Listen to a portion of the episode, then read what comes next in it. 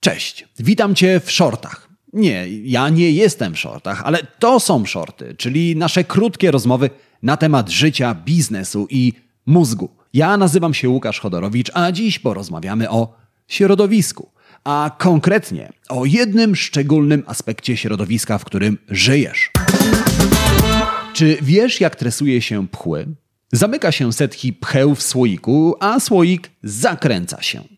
Owady, rzecz jasna, chcą wydostać się z więzienia, ale ponieważ słoik jest zakręcony, odbijają się od wieka. Kilkaset razy na minutę, kilka tysięcy razy na godzinę, raz po raz przez kilka dni. Gdy wreszcie treser odkręca słoik i pozwala pchłom wyskoczyć, pchły nie wyskakują.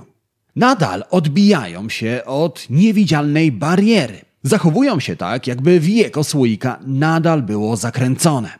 Ten sposób wystarczyło kilka dni, aby środowisko ukształtowały zachowanie prymitywnych owadów. Prowadzono już badania nad tym, jak środowisko wpływa na owady, gryzonie, szympansy i ludzi. Wyniki badań za każdym razem były takie same. Środowisko wpływa na nas. Środowisko nas kształtuje. Jesteśmy tworami środowiska, w którym żyjemy. W przypadku ludzi jeden szczególny aspekt środowiska ma duże znaczenie. Jest taka teoria, która mówi, że jesteśmy wypadkową sześciu osób, z którymi spędzamy najwięcej czasu. I tak badanie z 2003 roku, w którym przebadano 12 tysięcy ludzi, dowiodło, że jeżeli w Twoim otoczeniu są osoby, które mają problem z nadwagą, prawdopodobieństwo, że i Ty przytyjesz, rośnie aż uwaga o 57%. Ale to jeszcze nic, bo prawdopodobieństwo, że przytyjesz, jest jeszcze większe, jeżeli problem z nadwagą ma ktoś z członków Twojej rodziny. Oczywiście, to jak inni na nas wpływają, możemy obserwować również na nieco subtelniejszym poziomie. Na pewno nie raz słyszałeś, że nastolatkowie zachowują się inaczej pod wpływem rówieśników.